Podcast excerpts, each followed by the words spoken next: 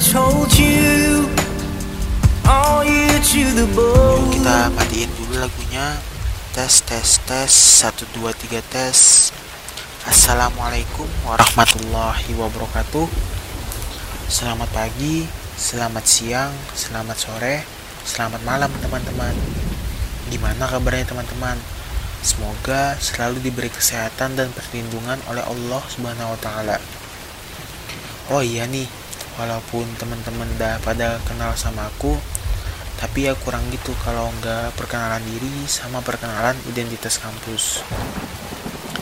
Namaku Muhammad Wafi Ramadan, biasa dipanggil Wafi dengan NIM 20111112102. Aku dari kelompok 3 Okulomotor Fakultas Kedokteran Gigi Universitas Lampung Mangkurat. Di sini Kota Banjarbaru hari Kamis 24 Desember 2020 jam 2.15 e, di kotaku lagi hujan nih. Ya kalau hujan gini ingat kenangan kita ya yang gak pernah hilang. Hehehe. Sudah sudah galaunya e, buat teman-teman. Aku mau ingetin nih buat selalu melakukan 3M yaitu memakai masker, menjaga jarak dan mencuci tangan karena ya ini COVID-19 masih belum reda dan juga vaksinnya kan masih belum fix kalau di tempatku jumlah yang dirawat COVID ini sudah 150 oh yang mana makin hari makin naik. Apalagi bentar lagi tahun baru. Yang pasti kan banyak yang jalan-jalan gitu. Kalau bisa sih saran dari aku eh, di rumah aja. Aku mau cerita dikit nih. Jadi kan aku e, sore-sore itu keliling-keliling aku ngelihat usaha warung kopi terus kafe gitu makin menjamur aja. E, sekarang orang jual kopi itu bukan sekedar kopi aja tetapi banyak inovasinya. Kayak tempatnya itu dibikin lebih estetik terus bisa diupload di Instagram. Ada tempatnya kayak nonjol otomotif ada yang kayak vintage ada yang konsep industrial dan banyak lagi deh. Sekarang kopi-kopi juga beragam jenisnya. Ke kopi susu aja, ada kopi matcha, kopi red velvet, dan lain-lain. Nah, ini tentunya berasal dari kreativitas seseorang dalam berusaha. Hal ini berkaitan dengan kewirausahaan. Apa sih itu kewirausahaan? Kewirausahaan sendiri adalah suatu sikap atau kemampuan seseorang dalam melakukan atau menciptakan sesuatu yang baru dan memiliki keunikan yang dibuat secara kreatif dan inovatif yang memberikan manfaat bagi orang lain dan memiliki nilai tambah. Nah, dari cerita aku tadi dapat kita tahu kan bahwa ada hal kreatif dan inovatif terbaru yang dibawa ke dunia usaha kopi.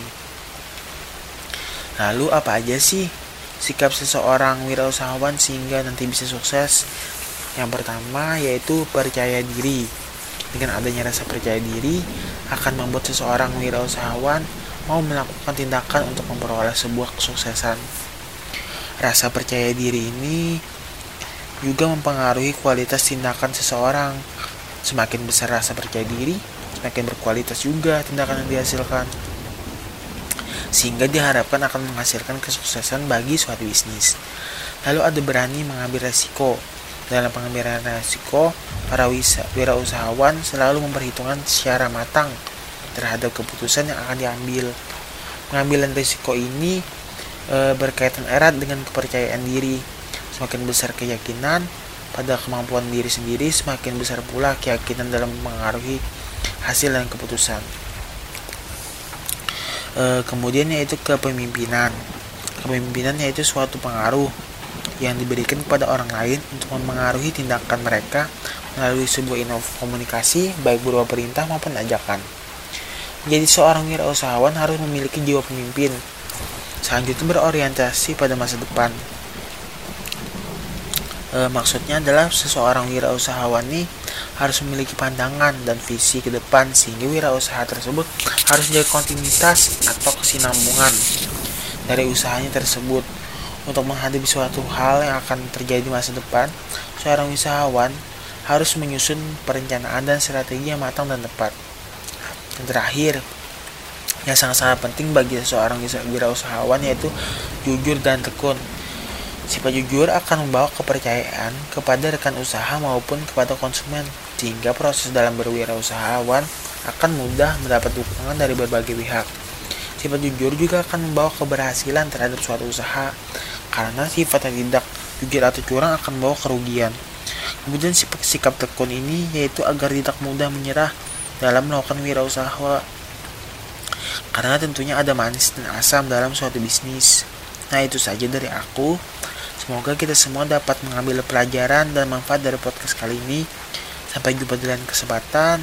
Salah hilang mohon maaf. Wassalamualaikum warahmatullahi wabarakatuh.